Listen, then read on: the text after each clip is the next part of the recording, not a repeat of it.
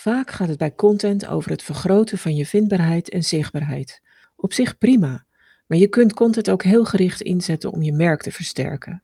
Merkwaardige content dus.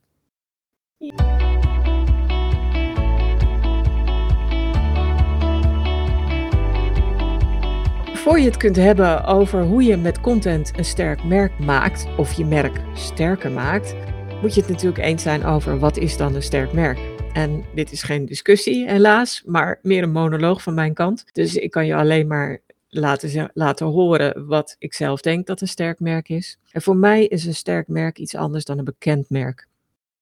Sterker nog, een sterk merk kan bij veel mensen volstrekt onbekend zijn. Bekendheid is geen voorwaarde voor een sterk merk, maar eerder een gevolg. Wat is een sterk merk dan wel? Een sterk merk is een merk dat direct gewenste en gestuurde associaties oproept bij je doelgroep. En dat betekent dat een sterk merk vijf kenmerken heeft. Allereerst een duidelijke identiteit met vaste, passende merkwaarden. Ten tweede processen en communicatie die deze identiteit ondersteunen. Ten derde een afgebakende doelgroep. Ten vierde zou je transparant moeten zijn. Het merk heeft geen geheimen en laat duidelijk zien waar het voor staat. En ten vijfde is consistentie een belangrijk kenmerk. Merkwaarden worden structureel en consequent toegepast. En dat kan op heel veel manieren. Hoe sluit je content dan aan op je merk en hoe kun, hoe kun je met content je merkwaarde verder uitdragen? Ik zie vier manieren waarop content je helpt om een sterk merk te bouwen. Het heeft te maken met de onderwerpen die je kiest. Het heeft te maken met de content mix die je maakt en de balans tussen emotionele en rationele content. Het heeft te maken met de inzet van zogenaamde know, like, trust content. En het heeft te maken met de inzet van cornerstone content. En die vier manieren wil ik graag toelichten. Het begint vaak met je onderwerpkeuzes. En wat mij betreft zou je heel goed moeten mixen en een mix moeten maken tussen professionele onderwerpcategorieën en meer persoonlijke onderwerpcategorieën. Juist ook als groot of als B2B bedrijf. Klanten willen weten met wie ze zaken doen en waar die mensen in het bedrijf voor staan. En dat geldt 200% als een bedrijf een duidelijk gezicht heeft, bijvoorbeeld de ondernemer, de directeur of bepaalde kennisexperts of professionals die samen het gezicht van het bedrijf vormen. Als je begint met het kiezen van onderwerpen, begin je vaak met professionele onderwerpcategorieën. En je hoofdcategorie ligt vaak al vast. Die wordt bepaald door je branche of je kernactiviteit. Maar maak die niet tot je belangrijkste onderwerpcategorie, want over het algemeen is dat veel te breed. Kijk bijvoorbeeld naar een organisatie die HR-services biedt. Op het moment dat die HR als onderwerp nemen, dan is dat zo'n breed onderwerp dat je daar niet duidelijk je identiteit mee kan ondersteunen. Je moet dan eigenlijk kleinere onderwerpcategorieën gaan kiezen, die wel binnen HR vallen, maar die wel zich meer lenen voor een duidelijke visie, tonen van expertise, geven van hulp, geven van inspiratie van hoe het ook kan. Dus wat zou je dan als HR-bedrijf kunnen doen? Als je kleinere onderwerpcategorieën kiest, die wel weer ieder voor zich een klein, als een paraplu kunnen dienen voor kortere onderwerpideeën. Maar onderwerpcategorieën voor een HR-bedrijf kunnen dan bijvoorbeeld zijn het behouden van medewerkers. Hoe hou je mensen vast? Het onboorden van medewerkers, wat jargon is voor hoe laat je nieuwe mensen in je organisatie binnenkomen en hoe zorg je dat ze zich meteen op hun plek voelen. Misschien kies je voor het afscheid nemen van medewerkers. Hoe doe je dat nou goed? En daar kun je ook tal van onderwerpen voor kiezen. Misschien kies je voor bepaalde HR-processen. Misschien kies je voor bedrijfscultuur en hoe je die op een positieve manier kunt stimuleren als onderwerpcategorie. Maar dan zie je dat je wat kleinere, meer afgebakende onderwerpcategorieën hebt. En dan, als je daarvoor kiest en er bijvoorbeeld drie tot vijf neemt, dan kunnen mensen veel beter inschatten wat ze van jouw organisatie mogen verwachten. Dus ga niet te breed. Maar spits het meer toe en kijk of er misschien ook een verwant onderwerp is, wat mensen misschien niet zozeer direct van je verwachten, maar waarmee je wel een eigenheid kan laten zien en waarmee je ook je kunt onderscheiden van andere bedrijven die hun onderwerp, hun branche, kernactiviteit veel meer op een stereotype manier invullen. Maar ik gaf het al een beetje aan. Het gaat ook echt om een mix van professionele en meer persoonlijke onderwerpen. Ik raad echt ieder bedrijf aan om altijd persoonlijke onderwerpen en invalshoeken toe te voegen aan je content assortiment. En misschien denk je dan dat een groot bedrijf of een B2B bedrijf altijd serieus uit de hoek moet komen, maar dat is echt niet waar. Juist als B2B bedrijf kun je met een persoonlijke noot een heel mooi tegenwicht bieden aan de content die vaak erg informatief en rationeel is. Zo laat je een menselijke kant zien die niet per se zakelijk van aard is. En het zal je positief verrassen hoe vaak dat persoonlijke element een potentiële klant echt net over de streep trekt. Simpel omdat het een extra connectie of verbinding is die iemand met jouw organisatie voelt, die die niet bij een concurrerend bedrijf voelt.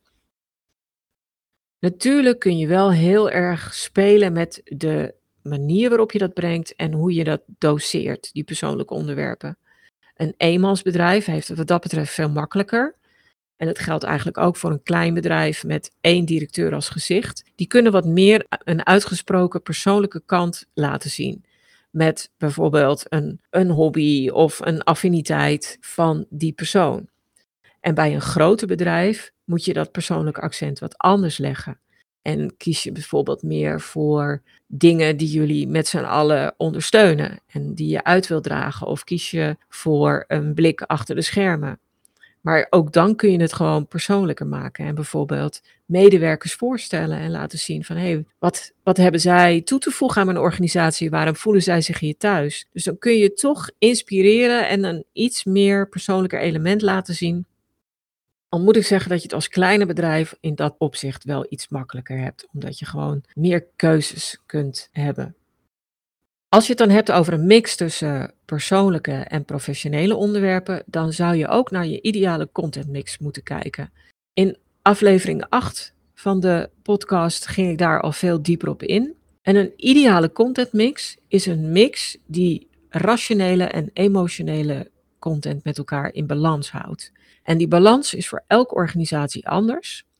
En je hebt vier soorten content die je in die mix kunt betrekken. Dat is informerende content, helpende content, inspirerende content en entertainende content. En wat je ziet waar ik het net over onderwerpen had, zie je hier meer over het doel wat je met die content hebt. Dus je wil bijvoorbeeld informatie delen omdat mensen daar iets aan hebben. Je wil servicegerichte, helpende content bieden omdat mensen daar iets aan hebben. Je wil inspirerende content bieden omdat dat mensen een bepaald gevoel geeft. En omdat je dat ook belangrijk vindt. Of je wil je doelgroep af en toe ook gewoon een beetje vermaken. En misschien niet eens af en toe, maar wel heel vaak. Informerende en helpende content zijn rationeel inspirerende en entertainende content zijn veel meer emotioneel van aard. En afhankelijk van je merk, je merkwaarde, kun je daar een mix in maken. En misschien ben je heel zakelijk en kies je voor 70% informerende en helpende content. En zeg je van ja, die laatste 30% die doe ik meer inspirerend en af en toe een beetje entertainend, omdat ik er ook wat humor in breng. Of een leuke video deel of een, een gifje. Nou, dat kan van alles zijn. Maar ook die content mix is, als het goed is, een afspiegeling van je merk en je merkwaarde. Heb je meer emotionele kernwaarden, kies dan ook voor meer emotionele content die inspireert en entertaint. En zitten je kernwaarden meer op het rationele vlak, ja, dan kun je die mix door laten slaan naar informerende en helpende content die gewoon wat zakelijker van aard is.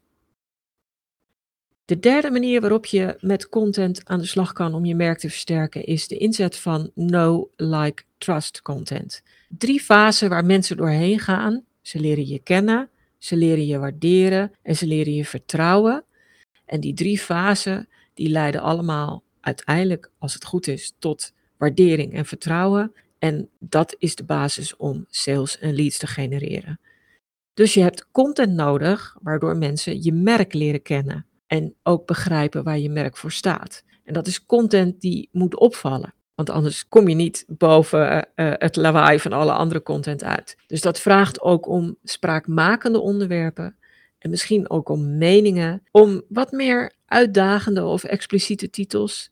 Het vraagt om een goede vormgeving. En het kan ook vragen om SEO, waarmee je een hoge positie in Google genereert. Dus dat gaat om hele gerichte content waarbij je nadenkt van hoe kan ik met deze content mensen, mijn bedrijf in het oog laten springen? Maar wel op zo'n manier dat het ook representatief is voor mijn merk. En die kennisfase, die valt eigenlijk nog wel mee, wat, wat je daar met je merk kunt doen. Maar dat zit hem wel heel erg in die volgende twee fases. De like-fase, die ik eigenlijk niet zo goed benoemd vind. En dat is content waarbij mensen je merk gaan waarderen. Dus ik vind het meer de waarderingsfase. En content oogst waardering als die een positief verschil maakt in het leven, het werk of het gevoel van iemand. Je geeft dus waardevolle tips, je inspireert of je vermaakt. En hier kun je heel goed die merkwaarde tot uitdrukking laten, laten komen. Is een van je merkwaarden dat je heel erg innovatief bent? Ja, dan is die waarderingscontent, dan moet je dat ook laten zien. Dus je laat voortdurend zien hoe jij dingen anders doet dan anderen. En je probeert mensen daarop aan te spreken en te kijken of je daar een gemeenschappelijke grondslag kunt vinden om die waardering te krijgen. De trust content, die kun je op twee manieren realiseren. Het is content waardoor mensen je, je merk gaan vertrouwen. Dus kan aan de ene kant heel inhoudelijk, doordat je bijvoorbeeld recensies en reviews en testimonials deelt en gebruikt, waarbij andere mensen je merk aanbevelen. Het is dé manier om vertrouwen te genereren.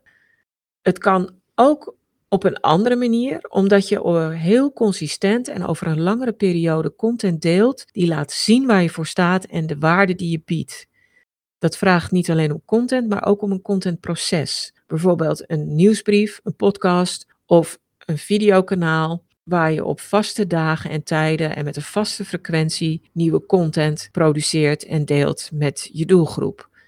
Of het vraagt om een reguliere aanwezigheid op social media. Want mensen gaan er op een gegeven moment op vertrouwen dat die podcast er elke dinsdag of elke vrijdag is. Dat je nieuwsbrief elk weekend verschijnt. Dat je YouTube-kanaal elke maandag een hele goede nieuwe video produceert. Dus het vertrouwen wek je ook met consistentie in de manier en de frequentie waarop je je content deelt.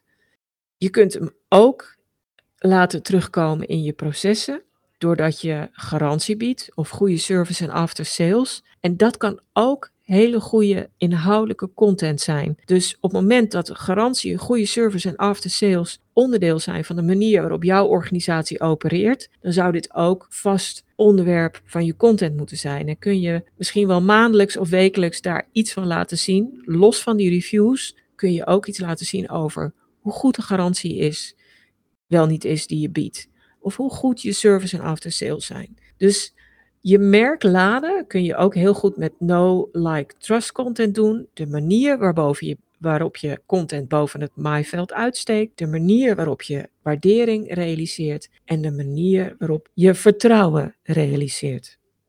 De vierde en laatste manier is cornerstone content op je site plaatsen. En in aflevering 2 van de Content Divas podcast ging ik daar al op in. Cornerstone content is eigenlijk onmisbare content voor iedere website. Het zijn een aantal hele belangrijke pagina's die ultiem laten zien wat je kunt, wat je biedt, waar je voor staat. Vaak krijg je hier ook weer die professionele kernonderwerpen terug. Dus om weer even terug te springen naar het HR-bedrijf. Die kunnen een cornerstone pagina hebben over bedrijfscultuur.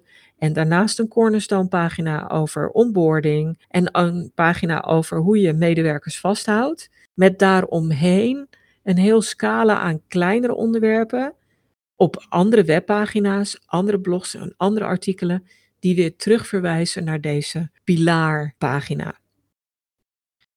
Dus het betekent dat je hier je professionele kernonderwerpen laat zien, maar dat je ook je merkwaarde erin door laat schijnen.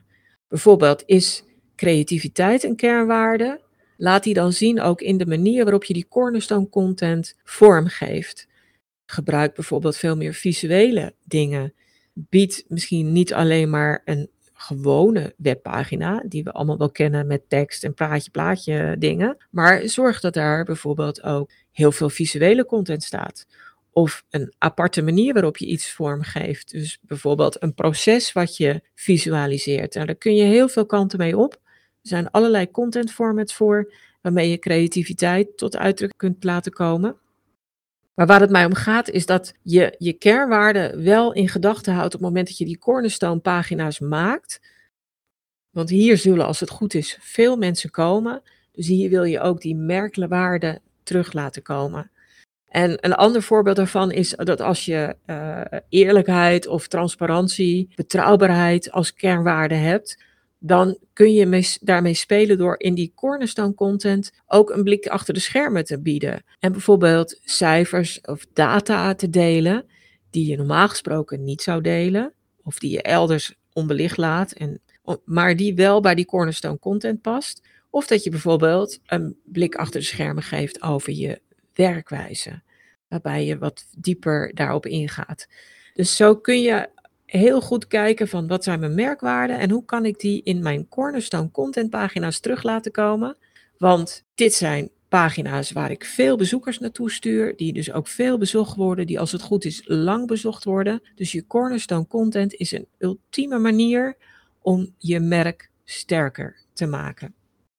Ik hoop dat ik je hiermee vier manieren heb gegeven om toch weer op een andere manier naar je content te kijken en om je content ook in te zetten om je merk sterker te maken. En misschien de andere doelen die vaak met vindbaarheid en zichtbaarheid te maken hebben, even los te laten. Maar met bepaalde content ook je merk voorop te stellen en andere doelstellingen daaronder geschikt aan te maken. Dus ik hoop dat je hiermee in staat bent om in je content planning ook content mee te pakken die expliciet je merkwaarde ondersteunt en dat misschien wel als hoofddoel heeft. Dankjewel voor het luisteren. Voel je zeker vrij om deze aflevering van de Content Divas podcast met anderen te delen als je denkt dat dit van pas kan komen. En heb je zelf een handige tip of inzicht opgedaan met deze aflevering, dan hoop ik dat je een review wil achterlaten. Heb je nog meer vragen, zoek je meer informatie? Neem dan zeker een kijkje op de website. Die vind je op stroop.nl met dubbel S. En daar vind je natuurlijk ook die handige content kennisbank waar je allerlei gratis checklists, stappenplannen, handleidingen en nog veel meer kunt vinden.